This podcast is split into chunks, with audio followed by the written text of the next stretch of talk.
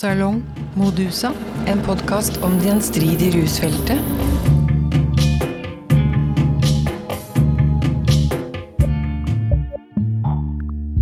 Hei, jeg heter Mette Wahl, og i denne episoden snakker jeg med Ole Røgeberg, samfunnsøkonom og seniorforsker ved Frischsenteret, om hans kritikk av Serafs høringssvar til Rusreformutvalget. For Seraf, Senter for rus- og avhengighetsforskning, skriver på sine hjemmesider at de innehar, innehar solid faglig kompetanse på internasjonalt nivå innen klinikknær rusmiddelforskning. Deres høringsuttalelse ble aktivt brukt av politikere og politiske lobbyorganisasjoner som Norsk Narkotikapolitiforening og Aktisk, eksempel, som henviste til dem da de argumenterte for at det var tunge faglige grunner til å advare mot foreslått rusreform. Rusreformforslaget om avkriminalisering av narkotika fikk som kjent ikke flertall, og ble nedstemt i 2021. I Aftenposten 19. april 2021 hadde Ole et debattinnlegg hvor han kritiserte Seraf for at de blandet faglige og verdipregede vurderinger, og at de sviktet grovt i sin kildebruk og faglighet. Og at Seraf med sitt høringssvar også sviktet sitt opplysningsansvar som et av landets største forskningsmiljøer på feltet. Nysgjerrig som jeg er, inviterte jeg Ole hit for en prat for å utdype sin kritikk av Seraf. Ole er en veldig hyggelig og smart mann, så jeg var ganske nervøs da vi snakket sammen, men jeg syns likevel det ble en veldig interessant prat. Om dere også syns det, så lik og del, og gjerne abonner. Vær så god, Ole Røgeberg. Ja, jeg heter Ole Røgeberg, jeg er seniorforsker ved Frisch-senteret i Oslo. Ja. Samfunnsøkonom, utdannet doktorgraden i 2004. Eh, og så var jeg konsulent i et par år, og så kom jeg tilbake til forskningen og gikk da inn i mer empirisk rettet forskning da, enn det jeg hadde gjort tidligere. Ja. Og så har jeg jobbet mye på rusfeltet, eh, egentlig siden doktorgraden, som opprinnelig var tenkt å være en doktorgrad om ruspolitikk, eh, men som sporet litt av av diverse si, faginterne grunner. Så det var temaer jeg først fikk komme tilbake til eh, mange år senere, da jeg fikk eh, finansiering til det. ja. Vil du si noe om de interne fag, eller er det, skal Ja, det altså- forbli internt? Nei, det er ikke noe sånn, det er ikke noe sånn internt sånn problematisk. Det var mer det at jeg ønsket å gjøre noe litt sånn praktisk rettet eh, i forhold til ruspolitikk. Eh, og så fikk jeg høre fra min veileder at det var jo gunstig å først se på hva andre i fagfeltet jobbet med, og hva slags type arbeider som var eh, på en måte forskningsinteressant i, i fagmiljøet jeg tilhørte samfunnsøkonomer. Og det samfunnsøkonomer gjorde på den tiden mye, det var å lage teoretiske valgmodeller som skulle forklare hvorfor folk oppførte seg mer liksom tvangspreget og, og over tid økende eh, rusmiddelkonsum. Altså hvorfor de oppførte seg som avhengige. Hva var avhengigheten? Hva var det som forklarte det? Hvordan kunne man eh, beskrive eh, det, eh, si, avhengighet i et valgteoretisk perspektiv. Og det var veldig sånn obskur og spesiell litteratur som jeg syns var eh, veldig forvirrende og litt absurd. Eh, og det var bygget rundt eh, teoriene til eh, en nobelprisvinner som het Gary Becker, som kom fra Chicago-skolen. Det er det vi kaller det fagmiljøet som var rundt universitetet i Chicago, som var veldig opptatt av markedsliberalisme og individets rett til å foreta Og som mente at det stort sett var det som ville gi gode utfall, da. Og denne, dette teoriapparatet tok han da også inn i avhengighet, hvor han mente at folk som ser ut til å ha mistet kontrollen, egentlig bare iverksetter en veldig komplisert og subtil plan for å få mest mulig velferd og glede ut av livet sitt hvor de da tar hensyn til at hvis du f.eks. røyker en sigarett i dag, så våkner du kanskje opp med, med litt sånn hoste og, og, og har litt abstinenser i kroppen i morgen, som gjør at du har litt lavere velferd i morgen når du våkner opp, men da blir sigaretten bare desto mer effektiv, for du får nikotinrushet i tillegg til at den nå fjerner abstinensen. Og så tar du dette her innover deg, og så lager du da sånne sofistikerte, subtile, glatte konsumbaner gjennom livsløpet ditt, og så ser du at ja, da begynner jeg å røyke litt nå, og så skal jeg gradvis øke det til 20 om dagen, og så skal jeg holde det frem til jeg regner med at jeg blir rundt 40-45, og så kommer jeg til å stoppe brått.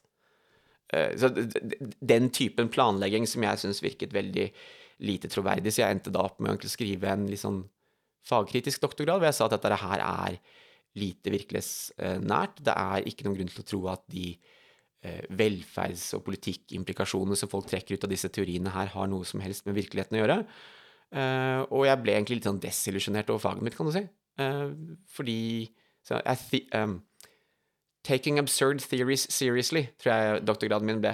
Og det, det var jo Det var ikke noe gøy, for du kritiserte da et, et, modellapparat som var brukt også Altså veldig relaterte typer teorier blir brukt på veldig mange andre ulike felt. Sånn at du ble da kritisk til noe som minnet veldig om det folk gjør på andre typer felt, som utdanningsforskning osv. Og også. Uh, og det Så jeg, ble nok litt sånn desillusjonert på fagets når valgteoriens vegne. Det, det, det, skuffet meg litt under doktorgraden. Mm. Jeg, det der med at vi har sånn uh, maksimerende nytte, nyttesøkende mennesker jeg, jeg, leser jo den artikkelen din som du sendte meg, og så kjenner jeg det jo igjen også fra annen velferdsforskning. Altså når markedstanken kom inn i velferden. Uh, hvor man også begynner også å forstå borgerne som uh, konsumenter av velferdstjenester. At man skal eh, skulle velge altså rasjonelt velge beste behandlingsløp eller velge tjenester.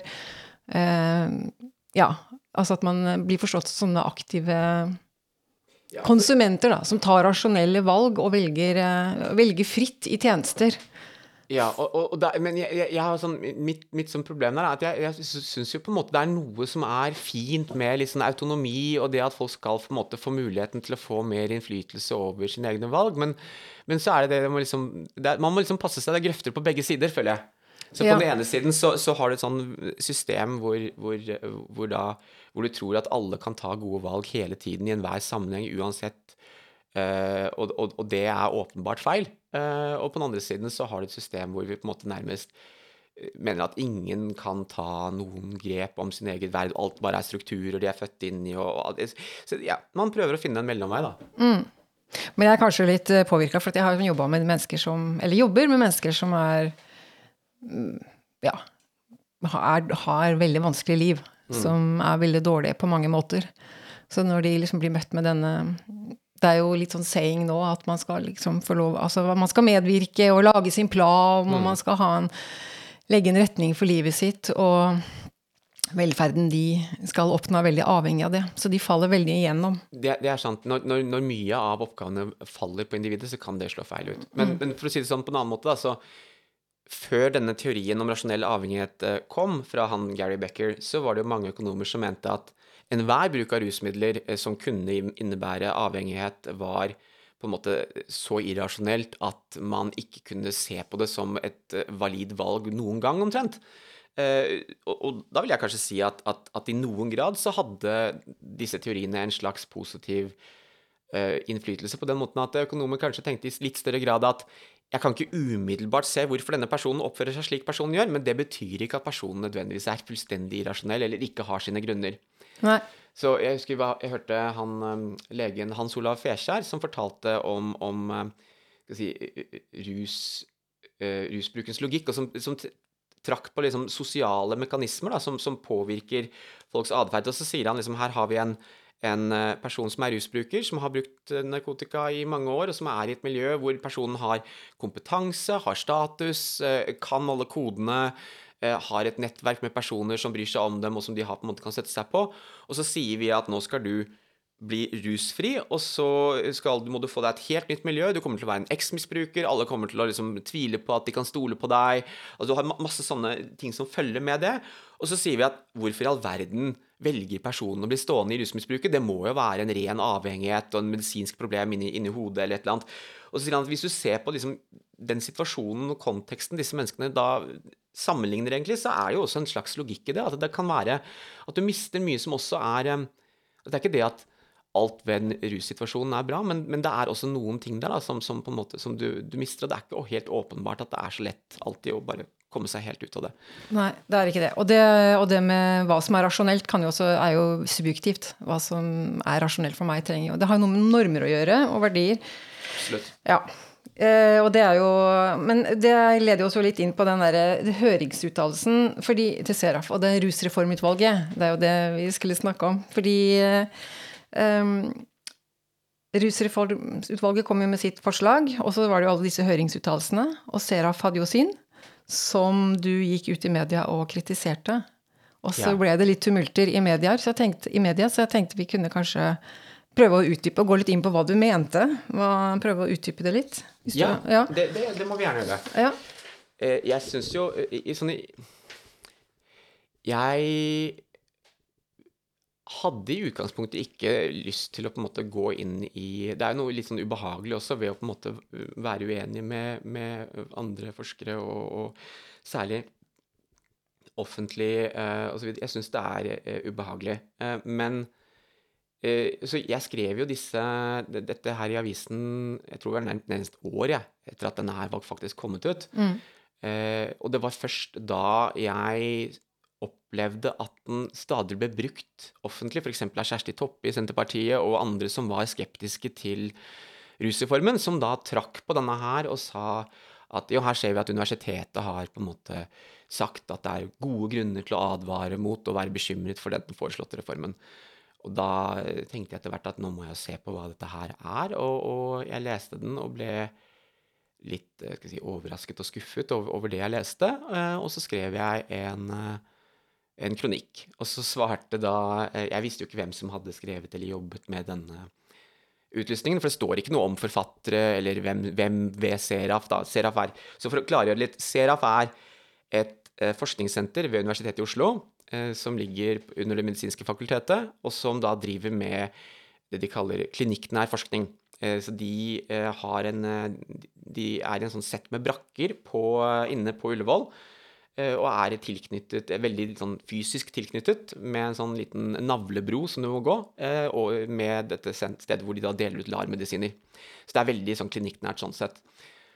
Og de hadde da skrevet en høringsuttalelse som var, viste seg, veldig skeptisk og advarende, sånn som jeg leste den, mot den foreslåtte rusreformen, og som sa at vi egentlig allerede hadde gjort ferdig denne bevegelsen fra straff til hjelp.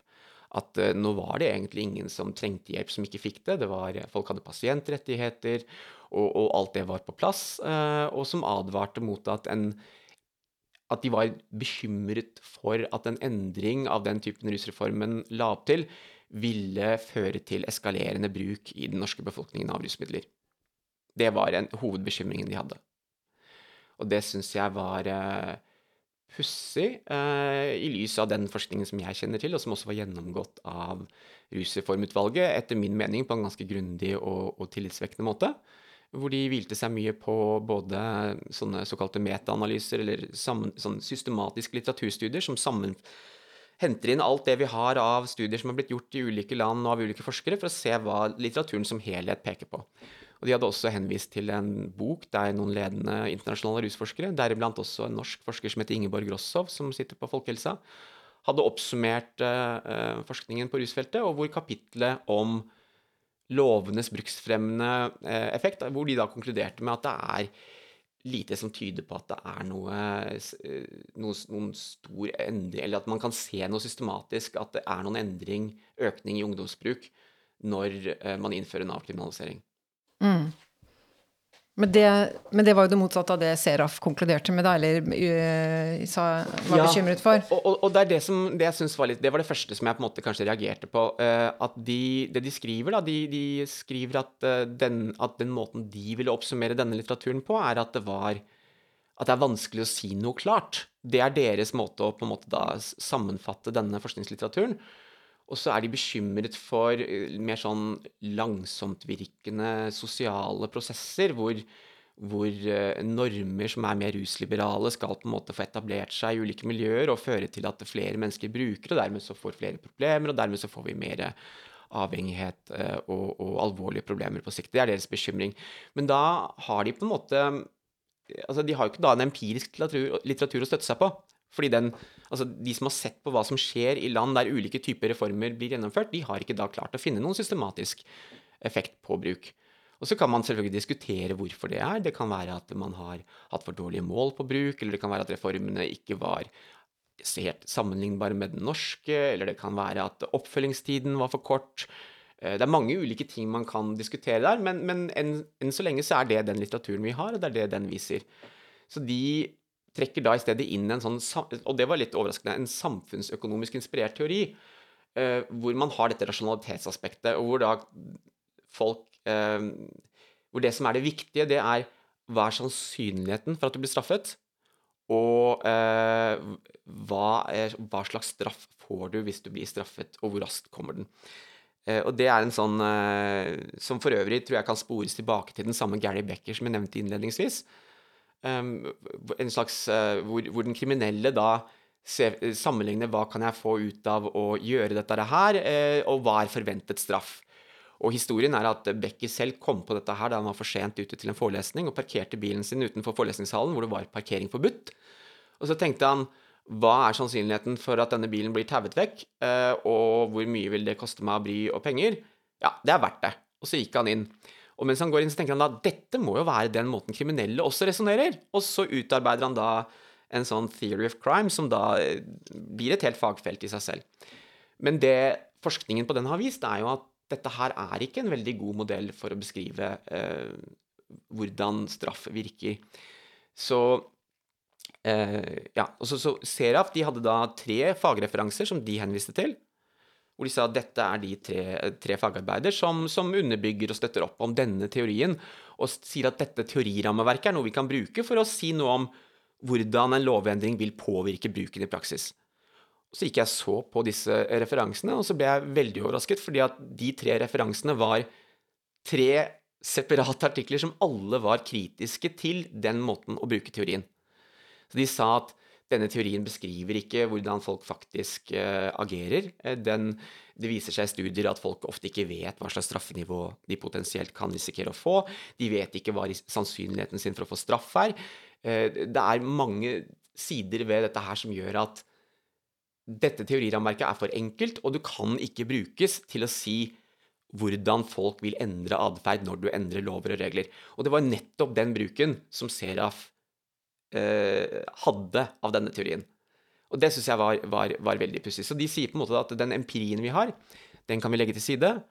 Og en teorimodell som i utgangspunktet virker litt sær, og som har fått ganske svak empirisk støtte, den blir da trukket frem som et sånn mer troverdig evidensgrunnlag for å kunne si at det vil være en, en, en økning i bruk. Mm. Samtidig som de da selv klarer å oppgi tre referanser som er eh, kritiske og slår bena under den eh, samme modellen som de selv legger til grunn. Det syns jeg var veldig pussig. Det var det du tenkte på når du skrev at de er eh, uredelige i, i, i henvisninger og bruk av litteratur? Ja, jeg vil si at det, det er jo skal, når, du skal, når du skal underbygge en påstand, så kommer du med en fagreferanse som da skal inneholde evidens som underbygger den påstanden. Eh, og her har de da sagt at det er en teori som de mener er rimelig å legge til grunn. Og så legger de ved tre kilder som alle sier at du ikke bør legge denne teorien til grunn. Og det er en veldig dårlig underbygging av akkurat den, den modellen. da. Mm. Så finnes det selvfølgelig andre kilder som er mer positive til denne typen uh, modeller. Uh, men gjennomgående er det nok at de uh, de har tonet en del ned, uh, en del av disse faktorene. De Sier at den forklarer nok ikke så mye. Allerede i en bok fra 2003-2004 som heter um, Drug War Heresies, der um, to amerikanske forskere går gjennom mye av faglitteraturen på narkotikaspørsmål, så skriver de at det ser ut som det kan forklare kanskje type 10% av variasjonen uh, i, i, over områder eller tid. Og det er, det er ganske, ganske lite. Eh, vi har jo hatt mye større endringer i bruksprevalens i Norge mens vi har hatt forbudet. På 90-tallet økte antallet som brukte cannabis i ulike fødselskull med ca. 10 prosentpoeng. Det var ikke noen store lovendringer eller noe sånt som, som endret seg på den tiden. Så det, det, er veldig mye som varierer seg hele tiden. Og disse faktorene som da denne teorien legger til grunn, de ser ikke ut til å være de mest sentrale for å forklare hvorfor ting endrer seg. Nettopp. Så det har ikke noe med lovverket, med, med jussen å gjøre nødvendigvis? Nei, eller iallfall i mye mindre grad enn man kanskje skulle tro. Det er mm. det som er litt sånn overraskende, for du ville jo trodd at, at dess, dess, mer forbudt en ting er, dess mindre ville folk bruke. Men, men ja, nei. Det, det, ser ut som at når det er forbudt, så, så får du Da blir jo produksjonen illegal. Prisene blir desto høyere. Det har en viss effekt.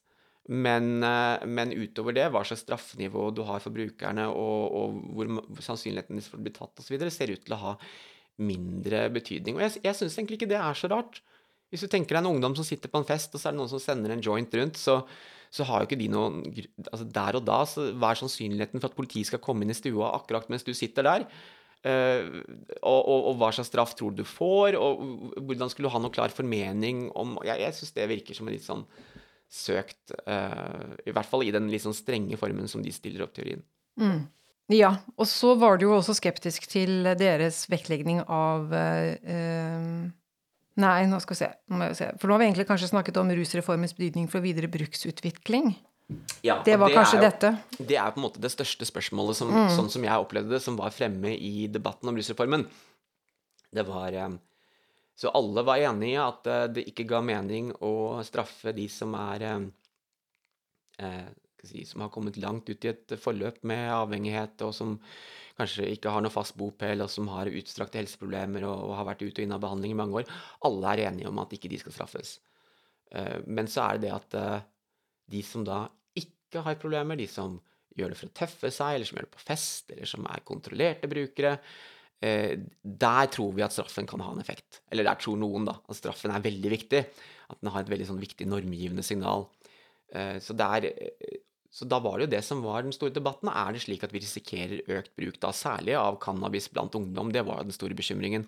Og det var overraskende, syns jeg, hvor mange som da henviser til da eh, spørreundersøkelser som viser at akkurat det er, liksom, det er mange ting du kan sammenligne på ulike land. Hvis du sammenligner akkurat bruken av cannabis når folk er sånn 15-16, så ligger Norge veldig lavt. Hvis du sammenligner f.eks. dødelige overdoser, så ligger vi veldig høyt. Men det har da ingenting med norsk politikk å gjøre. Så vi skal liksom på en måte sikte oss inn på det ene hvor det ser ut til at vi gjør det bra, og så skal vi si at det er på en måte grunn nok til at vi kan liksom friskmelde norsk narkotikapolitikk. Og jeg syns det er Altså, Hvis jeg skulle veie de to tingene opp mot hverandre, så syns jeg det virker mye mindre problematisk alt i alt eh, at du får litt økt bruk av cannabis blant ungdom, hvis det kunne gjøre at vi kunne få ned betydelig den andelen som, som får mer alvorlige problemer. Om det er tilfellet eller ikke, det er jo et åpent spørsmål. Det er ikke noe klar evidens for det. Men eh, ja, der, der har folk ulike meninger. Mm. Og det er det med mening, fordi det er jo, altså rusfeltet er jo veldig verdilada felt. Og det var jo også en annen ting du påpekte, at du syntes det var en sånn eh, At de blandet normer og fag, altså verdier og fag. Ja. Eh, det syns jeg var veldig interessant. Ja, så det, det er en ting jeg har jobbet litt med sånn, eh, på litt sånn ulike måter, fordi det er jo Hvis du skal på en måte drive med empirisk forskning, så kan du si noe om hva som pleier å skje når en ting endrer seg, eller altså hvis, når folk gjør lovendringer, så pleier vi å se den endringen, vi pleier å se den endringen, vi pleier å se den endringen. Men det betyr jo ikke at den endringen er verken positivt eller negativt, det avhenger av hvordan vi verdsetter de endringene som skjer. Så når vi skal vurdere en politikk, så må vi jo først si hva det er vi bryr oss om. Eh, hvis ikke så er det bare noe som skjer, som vi kan stille oss helt nøytrale til. Eh, men eh, så er det det at vi, har, vi er opptatt av at ungdom skal holde seg unna rusmidler. Vi er opptatt av at folk skal få medisinske skader. Folk skal bli avhengige. Vi er også opptatt av at vi vil ha en ganske liten illegal økonomi. Vi vil ikke at det skal være mye penger og kriminalitet som lokker folk ut i kriminelle karrierer. Vi er opptatt av at det skal være eh, tilgang til helsehjelp for sårbare grupper. Vi er interessert i at det skal være gode forhold i familier osv. Det er mange forskjellige ting vi bryr oss om. Og så er spørsmålet hvordan vil denne politiske endringen slå ut på alle disse ulike tingene? Og hvilke ting er det vi syns er positive endringer, hvilke er negative endringer, og hva syns vi alt i alt når vi skal veie disse tingene opp mot hverandre? Det er da ting jeg har prøvd å jobbe med faglig tidligere. Eh, jeg var med i et prosjekt eh, som hvor vi samlet sammen eh, forskere fra ulike fagfelt som driver med rus. Medisinere, psykiatere, sosiologer, det var en politimann der. Litt sånn forskjellig. Og så samlet vi dem Dette var da i Storbritannia. Og så satte vi oss ned for å prøve å finne ut hva er alle de forskjellige tingene som vi mener er viktige, alle de hensynene som vi ønsker å ta inn over oss når vi jobber med politikk på rusfeltet. Eh, Og så tok vi da først alkohol, og sa hvordan ville liksom, disse fire ulike politikkregimer hvis du tenker oss et hvor det er helt liberalisert, det kan selges akkurat sånn som du vil, ingen statlige avgifter å snakke om, eller hvis du har en sånn streng regulering à la det vi har i Norge, eller hvis du hadde hatt det som avkriminalisert, hvor det er forbudt, men, men du blir ikke straffet for bruk og besittelse, eller et sånn strengt forbud hvor du også blir straffet der. Hvordan ville, hvordan ville disse ulike alternativene for alkohol slå ut på hver av disse jeg tror vi har 25-26 forskjellige hensyn vi fant? Og så prøvde vi å da veie de opp mot hverandre og si hvilken av disse fire politikkregimene mener vi ville være gunstig for alkohol. Og det samme gjorde vi da for cannabis. Og det er syns jeg var en interessant øvelse, for da ser du at noen ganger så er det sånn at den politikken du misliker, er veldig god på ett utfall. Og det må man bare erkjenne, at ok, hvis det er bare det utfallet du er opptatt av, så ville du da foretrekke en politikk som, som du da kanskje er uenig i. Eh, fordi du har en annen verdsetting av, av eh, disse tingene.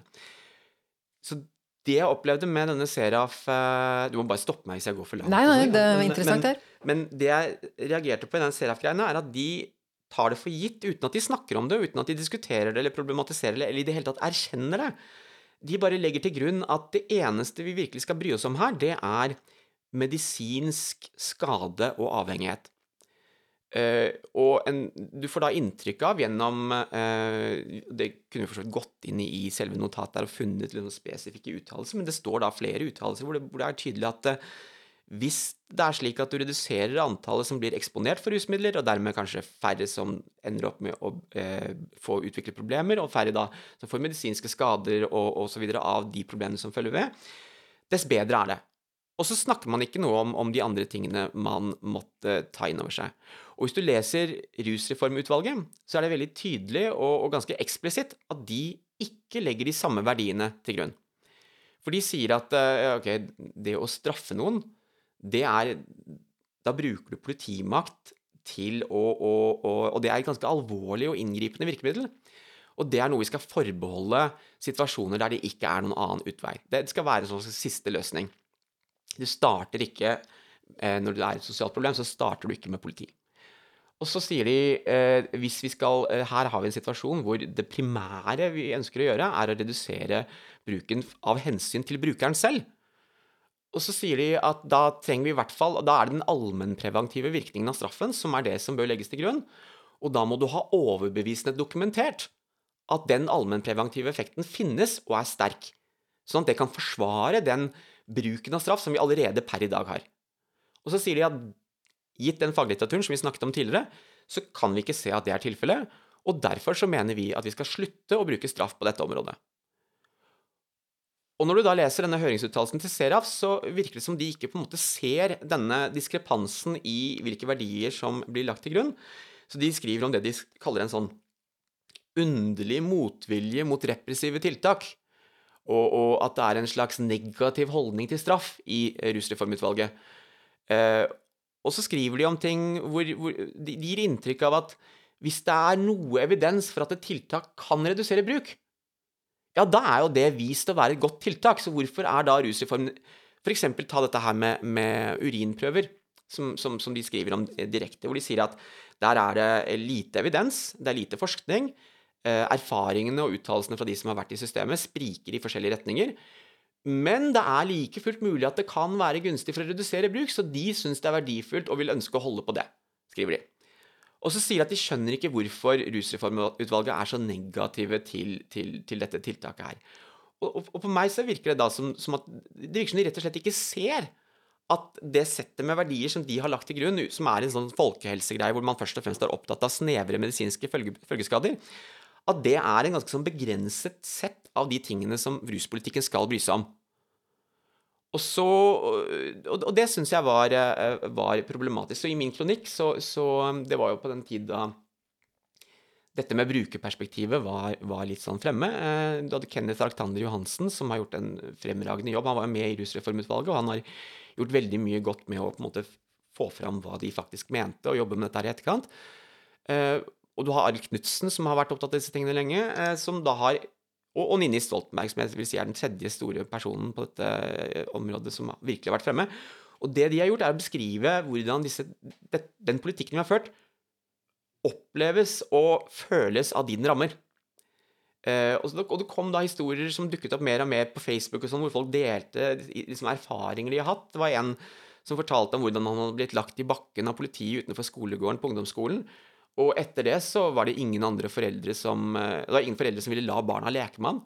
Så da var det jo hvem de han fikk eh, innpass hos, det var da den gjengen som satt og røyka hasj.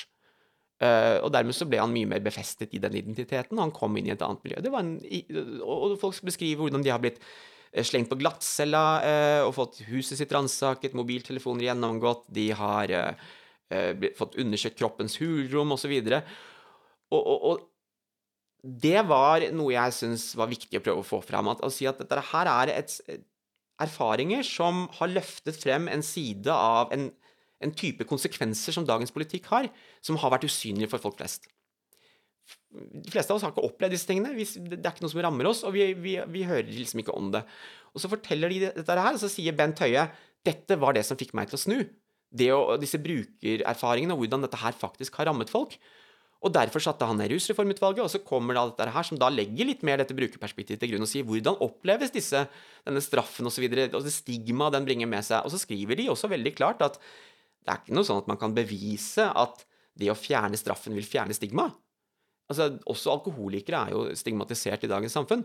Men det er i hvert fall noe som trekker i riktig retning. eh, og, og som kan støtte opp om det. Så jeg syns det brukerperspektivet var viktig, så jeg prøvde å legge inn det.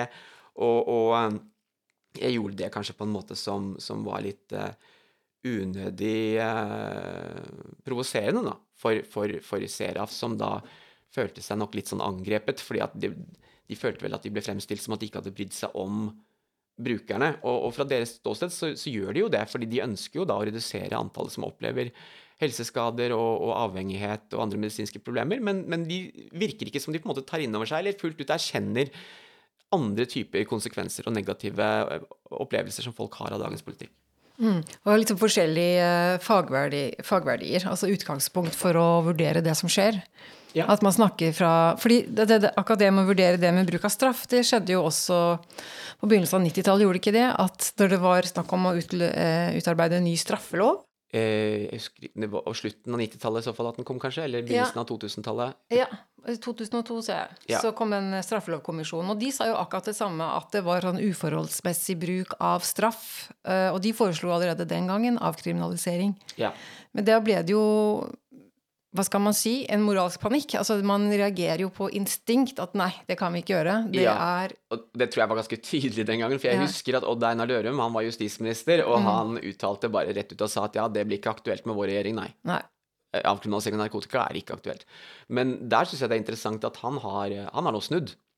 For han sa, han sa, på Facebook i en diskusjon der, eh, på en åpen gruppe, at uh, han hadde hatt flere møter med Riksadvokaten på den tiden. Og, og de hadde snakket med politiet og sagt at her må vi legge om og gå, liksom slutte å, gå etter rusbrukerne på den måten vi gjør.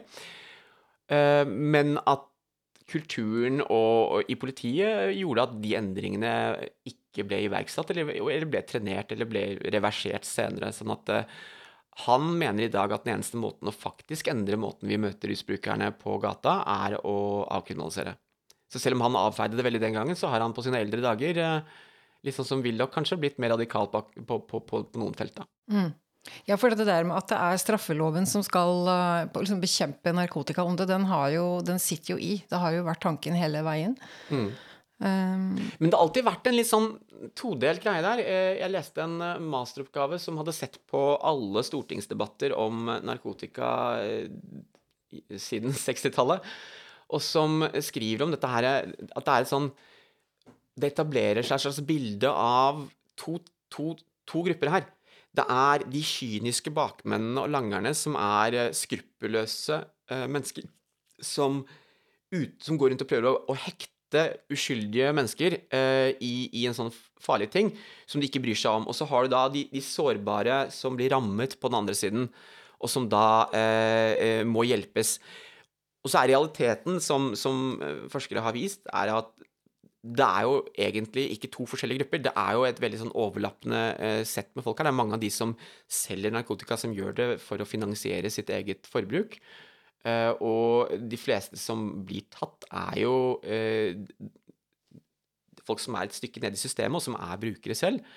Så jeg, jeg syns det skillet noen ganger kan bli litt kunstig. Men det har vært en sånn at den ene gruppen, der skulle vi ha veldig strenge straffer. For det de gjorde, var på en måte det ble sett på som en sånn rent kynisk ødelegge menneskeliv for egen profitts eh, greie. Og, og, de skulle ta med de strengeste straffene vi kunne. Og den andre gruppen skulle vi hjelpe å behandle til rusfrihet. Og det var veldig viktig, sånn som, så vidt jeg kan forstå, at man så virket som det var veldig viktig at det var rusfrihet. Fordi man også hadde en sånn epidemisk tankegang i bunn. En sånn vi har jo hatt dette med korona nå, hvor, hvor vi snakket om R-tallet, så alle plutselig vet hva R-tallet er. Eh, og man så for seg at det var et positivt R-tall også på rusbruk. Sånn at en person som brukte, ville da ha en sånn si, honeymoon-fase, hvor de syntes det var positivt og masse gunstig og gøy ved å bruke dop. Og så ville de da dra inn nye personer, smitte andre sosialt. Og så ville, de, eh, så ville det da på en måte bre seg utover i samfunnet som, som, en sånn gradvis epidemi. Og dermed så var det viktig å på en måte ha klare normer som gjorde at man kunne si at eh, kunne stoppe dette her, som kunne være sånn bollverk, som var sånn at folk virkelig klarte å si nei. Eh, og, og, også at man på en måte kunne behandle og friskmelde personer så de ikke fortsatte å smitte med rusbruken sin. Så jeg har gitt inntrykk av at det var eh, også en del av bakgrunnen for den motstanden som var mot bruken av metadon for eh, folk som, som var opioidavhengige, som var veldig sterk og kraftig frem til vi fikk eh, Og kanskje også egentlig etter at vi fikk LAR. Det har vært ganske sånn omstridt, dette med LAR. og allerede, altså sånn Da de sa at nå må vi begynne å utvide LAR så flere kan få tilgang til det på, i 2004, eller når det var, så, så gikk jo fortsatt da eh, sånn, han, den daværende lederen i, i um, Eh, Rio f.eks. gikk ut og advarte kraftig mot en slik liberalisering og sa at dette her er å gi opp mennesker og, og, og bare parkere dem på, på, på sånn dop. Uh, ja. så, så, dette her med den rusfriheten som en veldig sånn saliggjørende og viktig ting, og det å da og for å stoppe dem fra å være smittsomme, uh, men samtidig å ha veldig omsorg for den gruppen som er uskyldig dratt inn i dette her, og så være veldig negativ til denne disse kyniske bakmennene. Det tror jeg har vært liksom hovedlinjene eh, bak, bak, den norske politikken i viss forstand. At de har et annet utgangspunkt enn, enn, å, enn å, forstå altså det strafferettslige bruken, om den er eh, Ja, de er nok, det er nok en forskjell der for dem, tror jeg, om du snakker om um, tunge stoffer eller an, lettere, si, lettere, stoffer. Nå er det ikke alle som er enig i den betegnelsen, men, men altså, hvis vi snakker om opioider, så er jo altså, de har jo da det ble innført, så var tanken at LAR skulle være for de som hadde prøvd alt mulig annet, og hvor det ikke var annen, noe annet vi kunne tilby. Og så så man, eh, og det var det jo da Seraf eh, sine forskere som så, og som publiserte på, at eh, de som sto på venteliste, de hadde høyere overdosedødelighet og høyere dødelighet. De som gikk ut av behandlingen, de hadde høyere dødelighet. Og da sa de at her vi, dette her er en livreddende behandling. Det å holde folk i behandlingen, det er gunstig. Så, så basert på de erfaringene som kom, så har de snudd. Og det har, en, det har, vært en veldig kraftig vekst i LAR, langt utover det man så for seg da det ble innført. Eh, så der tror jeg de er helt med på at man skal, eh, skal ha det systemet. Samtidig så er de nok, tror jeg, ganske skeptiske til at man skal være Man må være veldig forsiktig. De er veldig redde for spredningsfaren. De har f.eks. vært ute og sagt at uh, nå ser vi mer metadon i det illegale markedet. Uh, det kan være lekkasje fra LAR. De, de, de har, mener de har grunn til å si det. Det vet ikke jeg noe særlig om. Men uh, de, de, har da ment at det er noe som, som, som, som er med på å begrunne disse kontrolltiltakene da, som du har i LAR med urin kontroller og, og uh, strenge utleveringspraksis uh, osv. for å på en måte sikre at ikke noen får med seg masse som de da ikke bruker selv, men selger videre og sprer. Så er, Man er fortsatt redde for den epidemiske spredningen i denne gruppen, men man er veldig for at denne gruppen skal få lov til å være i LAR og få øh, denne medisinen sin, som da er en form for opioider som, som uh, tilfredsstiller abstinensen osv. Så, videre. så de, så de, er jo ikke, de vil ikke lenger tvinge denne gruppen til å bli rusfrie innen en eller annen bestemt tidsramme. Uh, men når det gjelder andre rusmidler som er utenfor, så har jeg inntrykk av at den der epidemitankegangen og frykten for forvitring av moralske bruksreduserende normer er ganske den, den, den, den er tung fortsatt, den bekymringen. Hvis man sitter med statistikker da, og ser, eh, man ser metadon f.eks. på det illegale markedet, så vet man jo ikke hvorfor det er sånn. Altså Statistikken viser bare at det fins i det illegale markedet, men vi vet jo ikke på hvilken måte og hvorfor det er sånn. Nei. Eh, og så kan det jo være at de har eh, noe kunnskap som tilsier at det har vært lekkasje, men, men min, mitt spørsmål ville være litt Altså Hvis du tenker da, på markedet, da, så tenker jeg at du har det er en del mennesker som kommer der for å prøve å, å skaffe seg opioider. eh, Og som vil se på de ulike opioidene som er der, og som vil kjøpe det som, som, som de på en måte tenker at gitt hva som er tilgjengelig, og gitt de prisene som er, så er det det de tar. Og hvis det da er slik at det kommer en ny forsyningskilde av en ny type opioider, som f.eks. av metadon, så vil det være Så kan det hende at det av at det er billigere og kanskje oppleves tryggere, eller hva vet jeg, at det på en måte er grunner til at folk da velger å gjøre det. Men det betyr jo ikke at de ikke ville brukt opioider hvis metadonen ble fjernet. Det Nei, er på en måte, Mm. så, så jeg tenker med at dette her er jo en, en gruppe mennesker som har et opioidforbruk. Uh, og uh, hvilken miks av opioider de velger å bruke, det påvirkes litt av hva som er tilgjengelig i markedet. Men det er ikke sånn at hvis du på en måte altså For, for å si det enkelt, hvis du på en måte hadde eh, hatt importforbud mot Tesla i, i- fra og med i morgen, så ville ikke det bety at alle de som ville kjøpt Tesla, ville latt være å kjøpe bil. Mange av dem ville kjøpt en annen bil. Eh, De ville i hvert fall hatt en bil. eh, Og det, de ville ikke sluttet å kjøre bil bare fordi vi ikke lenger importerte ett bilmerke. Eller hvis vi forbød Prins, så er det ikke sånn at alle som røyker Prins, ville slutte å røyke. Eh, Det, er Det ville være min, min, mitt spørsmål der. Hvor mye denne endringen av hvilke stoffer som er tilgjengelige i markedet, hvor mye det egentlig påvirker bruken. Og så er det også et spørsmål om hvordan det påvirker risikoen. Det kan jo være at det å bruke illegal metadon er mindre risikabel i forhold til overdoser enn det å bruke eh, illegal heroin som du injiserer. Eh, så, sånn at eh, hvis, Ja. Jeg syns det er uklart hva, vi, hva vi skal trekke ut av det at vi ser en økende andel metadon i det illegale markedet. Mm, og også hvordan man skal forstå LAR som en innretning. Ja.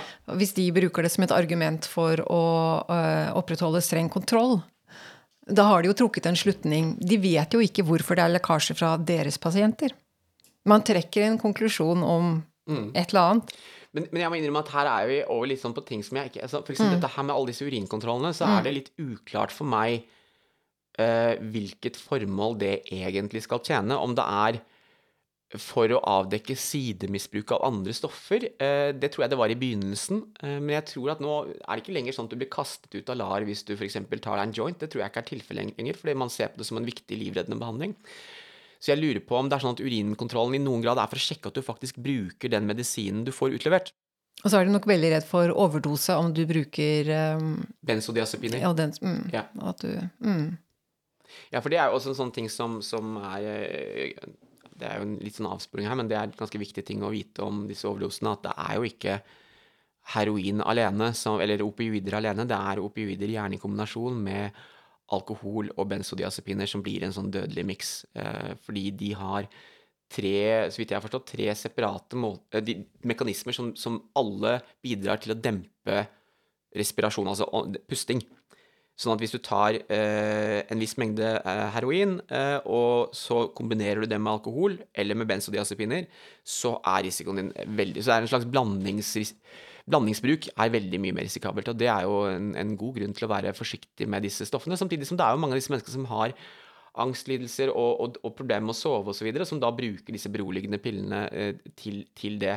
Så, så hvordan man skal håndtere det der, det, det er eh, faglig krevende, tror jeg. Men, eh, men ja. Så konklusjonen er vel at vi vet ikke helt nøyaktig hva det Eller det, det er mange ulike ting de kanskje bruker disse urintestene til, eh, og det er vanskelig å vite helt uh, hva formålet med, med kontrollregimet er alltid.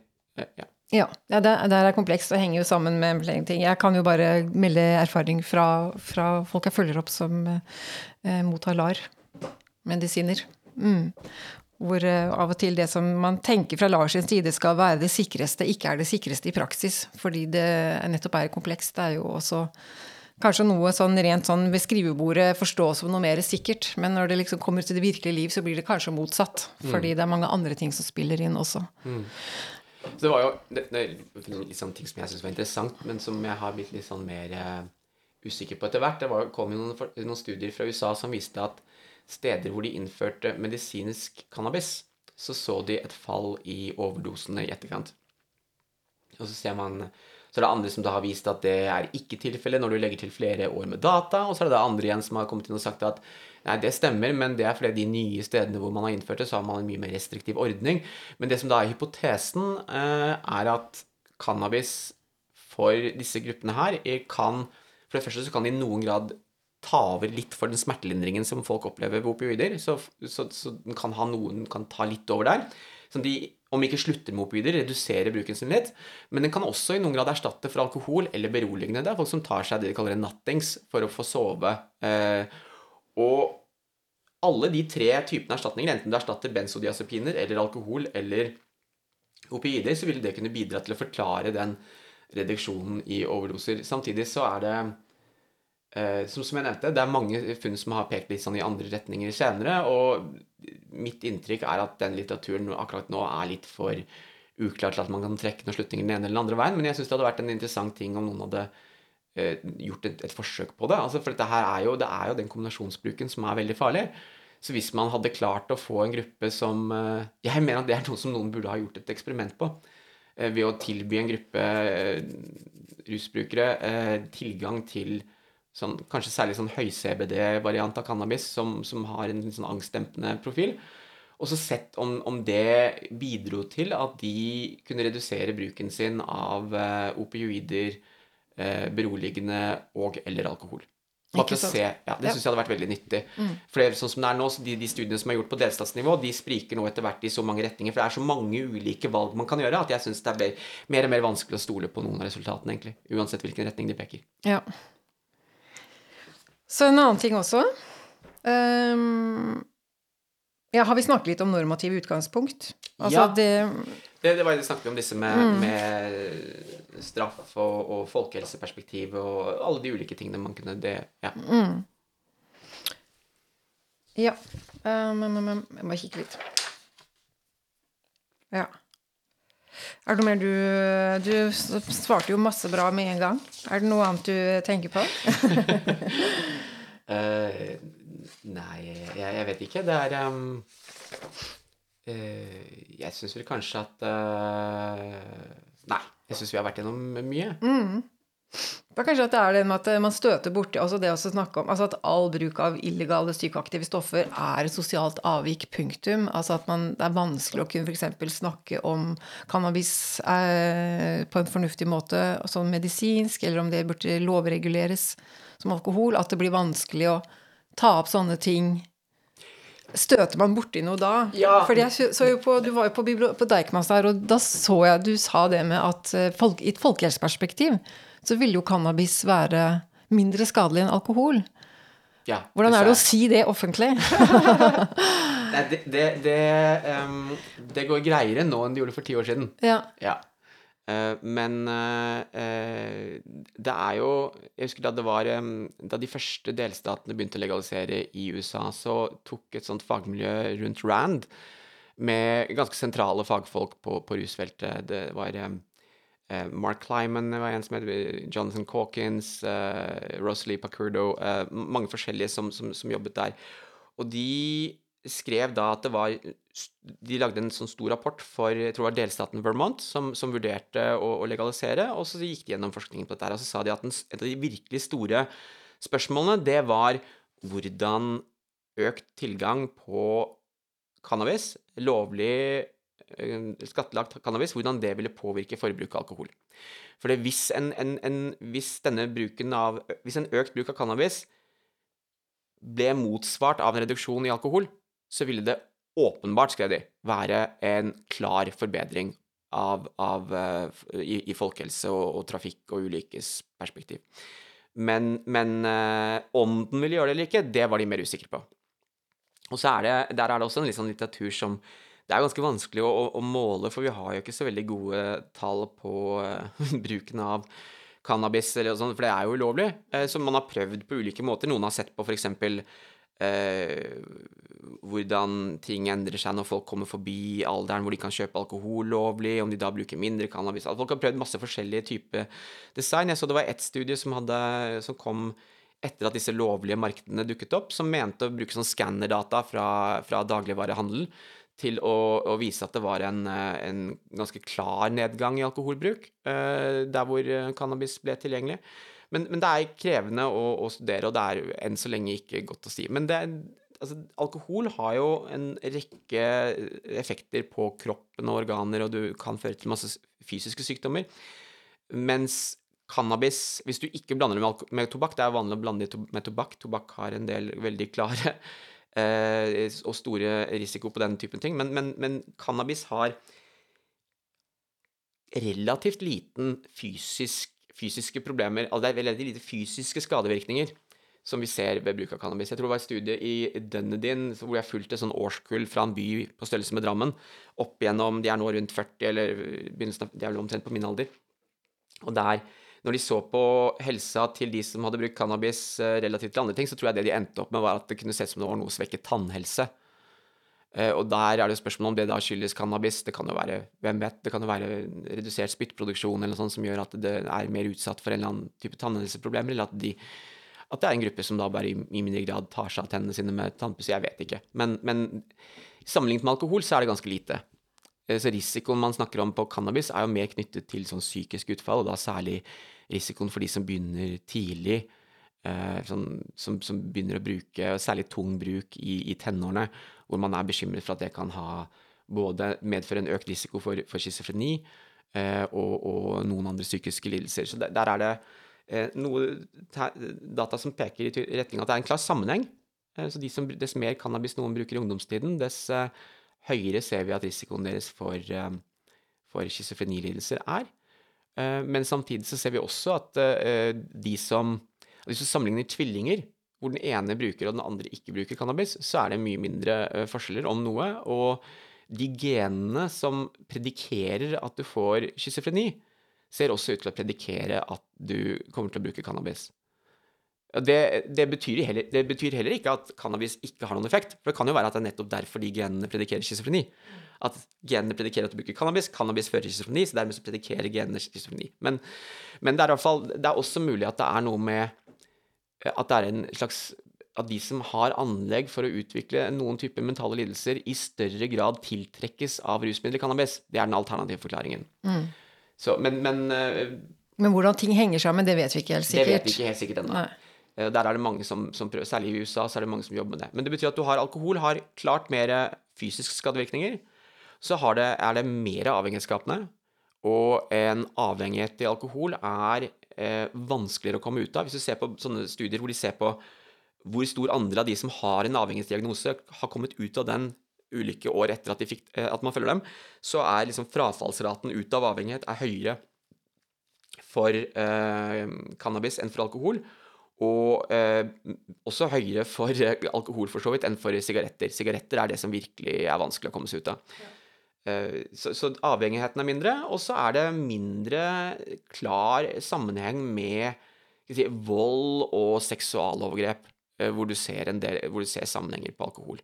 Altså alkohol er eh, både det at folk eh, blir eh, mister litt sånn grenser og hemninger og, og, og gjør ting de angrer på i etterkant, men også det at det i større grad gjør deg sårbar for å bli utsatt for ting, fordi du blir ute av stand til å ta vare på deg selv hvis du drikker mye nok.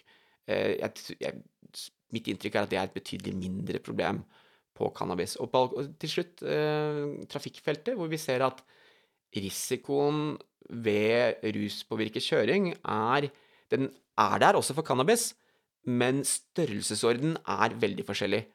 Sånn at eh, gjennomsnittlig risikoøkning for de som har THC, som er da rusgivende stoff i cannabis, gjennomsnittsrisikoen for de i trafikken som har positive verdier av det i blodet, det er kanskje en økning i risiko på sånn 40-50% mens økningen i risiko for de som har en blodpromille, er sånn type 500.